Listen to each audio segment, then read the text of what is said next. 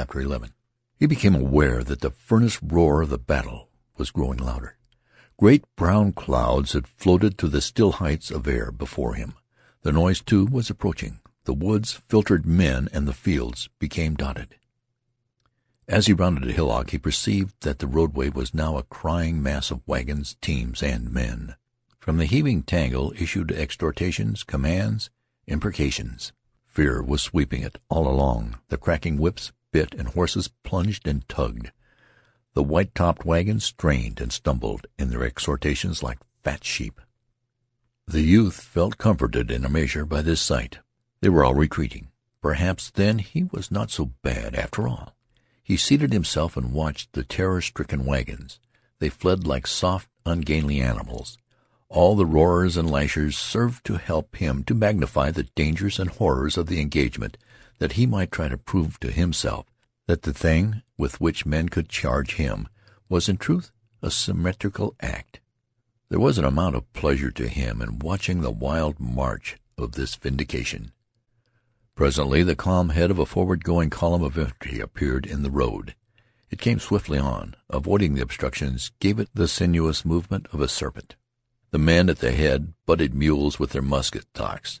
They prodded teamsters indifferent to all howls. The men forced their way through parts of the dense mass by strength. The blunt head of the column pushed. The raving teamsters swore many strange oaths. The commands to make way had the ring of a great importance to them. The men were going forward to the heart of the din. They were to confront the eager rush of the enemy. They felt the pride of their onward movement. When the remainder of the army seemed trying to dribble down this road, they tumbled teams about with a fine feeling that was no matter so long as their column got to the front in time. This importance made their faces grave and stern, and the backs of the officers were very rigid. As the youth looked at them the black weight of his woe returned to him. He felt he was regarding a procession of chosen beings. The separation was as great to him as if they had marched with weapons of flame and banners of sunlight. He could never be like them. He could have wept in his longings. He searched about in his mind for an adequate valediction for the indefinite cause, the thing upon which men turn the words of final blame. It, whatever it was, was responsible for him, he said. There lay the fault. The haste of the column to reach the battle seemed to the forlorn young man to be something much finer than stout fighting. Heroes, he thought, could find excuses in that long, seething lane. They could retire with perfect self-respect and make excuses to the stars. He wondered what those men had eaten that they could be in such great haste to force their way to grim chances of death.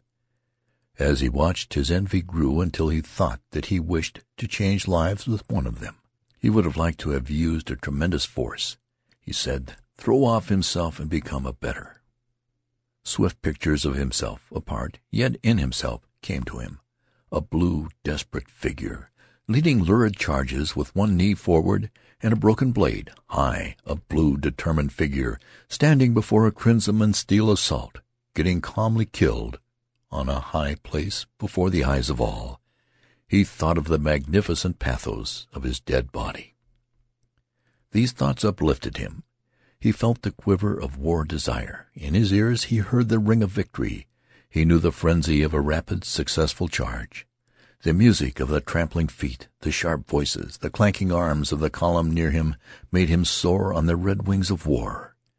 For a few moments he was sublime. He thought that he was about to start for the front. Indeed, he saw a picture of himself, dust-stained, haggard, panting, flying to the front at the proper moment to seize and throttle the dark, leering witch of calamity. Then the difficulties of the thing began to drag at him. He hesitated, balancing awkwardly on one foot. He had no rifle. He could not fight with his hands. Said he resentfully to his plan, "Well, rifles could be had for the picking. They were extraordinarily profuse." Also, he continued, it would be a miracle if he found his regiment. Well, he could fight with any regiment. He started forward slowly. He stepped as if he expected to tread upon some explosive thing. Doubts and he were struggling. He would truly be a worm if any of his comrades should see him returning thus. The marks of his flight upon him. There was a reply that the intent fighters did not care for what happened rearward, saving that no hostile bayonets appeared there. In the battle blur his face would in a way be hidden, like the face of a cowled man. But then he said that his tireless fate would bring forth, when the strife lulled for a moment, a man to ask of him an explanation. In imagination he felt the scrutiny of his companions as he painfully labored through some lies. Eventually his courage expended itself upon these objections. The debates drained him of his fire. He was not cast down by his defeat of his plan, for upon studying the affair carefully he could not but admit that the objections were very formidable. Furthermore, various ailments had begun to cry out. In their presence he could not persist in flying high with the wings of war. They rendered it almost impossible for him to see himself in a heroic light. He tumbled headlong. He discovered that he had a scorching thirst. His face was so dry and grimy that he thought he could feel his skin crackle.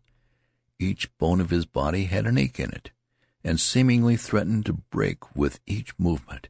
His feet were like two sores. Also, his body was calling for food. It was more powerful than a direct hunger. There was a dull, weight-like feeling in his stomach, and when he tried to walk, his head swayed and he tottered. He could not see with distinctness. Small patches of green mist floated before his vision. While he had been tossed by many emotions, he had not been aware of ailments. Now they beset him and made clamor. As he was at last compelled to pay attention to them, his capacity for self-hate was multiplied. In despair he declared that he was not like those others. He now conceded it to be impossible that he should ever become a hero. He was a craven loon. Those pictures of glory were piteous things. He groaned from his heart and went staggering off. A certain moth-like quality within him kept him in the vicinity of the battle. He had a great desire to see and to get news. He wished to know who was winning. He told himself that despite his unprecedented suffering he had never lost his greed for a victory. Yet he said, in a half apologetic manner to his conscience, he could not but know that a defeat for the army this time might mean many favorable things for him. The blows of the enemy would splinter regiments into fragments. Thus many men of courage, he considered, would be obliged to desert the colors and scurry like chickens he would appear to be one of them. They would be sullen brothers in distress, and he could then easily believe he had not run any further or faster than they. And if he himself could believe in his virtuous perfection, he conceived that there would be small trouble in convincing all others. He said, as if in excuse for this hope, that previously the army had encountered great defeats, and in a few months then shaken off all blood and tradition of them emerging as bright and valiant as a new one, thrusting out of sight the memory of disaster and appearing with the valor and confidence of unconquered legions. The shrilling voices of the people at home would pipe dismally for a time, but various generals were usually compelled to listen to these ditties. He, of course, felt no compunction for proposing a general as a sacrifice. He could not tell who the chosen for the barbs might be, so he could center no direct sympathy upon him. The people were afar, and he did not conceive public opinion to be accurate at long range. It was quite probable they would hit the wrong man, who, after he had recovered from his amazement, would perhaps spend the rest of his days in writing replies to the songs of his alleged failure. It would be very unfortunate, no doubt, but in this case a general was of no consequence to the youth. In a defeat there would be a roundabout vindication of himself. He thought it would prove in a manner that he had fled early because of his superior powers of perception. A serious prophet upon predicting a flood should be the first man to climb a tree. This would demonstrate that he was indeed a seer. A moral vindication was regarded by the youth as a very important thing. Without salve he could not, he thought, wear the sore badge of his dishonor through life. With his heart continually assuring him that he was despicable, he could not exist without making it, through his actions, apparent to all men.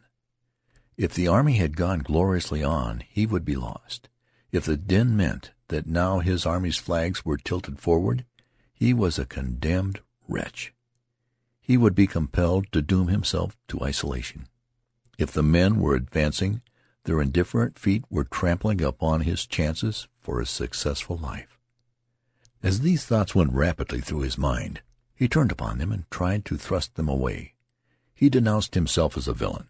He said that he was the most utterly selfish man in existence.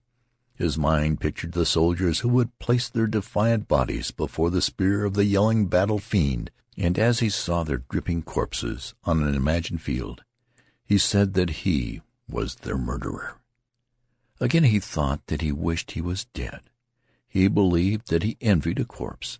Thinking of the slain, he achieved a great contempt for some of them, as if they were guilty for this becoming lifeless. They might not have been killed by lucky chance, he said, before they had opportunities to flee or before they had been really tested. Yet they would receive laurels from tradition. He cried out bitterly that their crowns were stolen and their robes of glorious memories were shams. However, he still said that it was a great pity he was not as they. A defeat of the army had suggested itself to him as a means of escape from the consequences of his fall. He considered now, however, that it was useless to think of such a possibility. His education had been that success for that mighty blue machine was certain that it would make victories as a contrivance turns out buttons. He presently discarded all his speculations in the other direction. He returned to the creed of soldiers. When he perceived again that it was not possible for the army to be defeated, he tried to bethink him of a fine tale which he could take back to his regiment, and with it turn the expected shafts of derision. But as he morally feared these shafts, it became impossible for him to invent a tale he felt he could trust. He experimented with many schemes, but threw them aside one by one as flimsy. He was quick to see vulnerable places in them all. Furthermore, he was much afraid that some arrow of scorn might lay him mentally low before he could raise his protecting tale. He imagined the whole regiment saying, "Where's Henry Fleming? He run, didn't he?" "Oh, my!" He recalled various persons who would be quite sure to leave him no peace about it. They would doubtless question him with sneers and laugh at his stammering hesitation. In the next engagement they would try to keep watch on him to discover when he would run. Wherever he went in camp, he would encounter insolent and lingeringly cruel stares. As he imagined himself passing near a crowd of comrades he could hear some one say, "There he goes." Then, as if the heads were moved by one muscle, all the faces were turned toward him with wide, derisive grins. He seemed to hear some one make a humorous remark in a low tone. At it the others cowed and cackled. He was a slang phrase.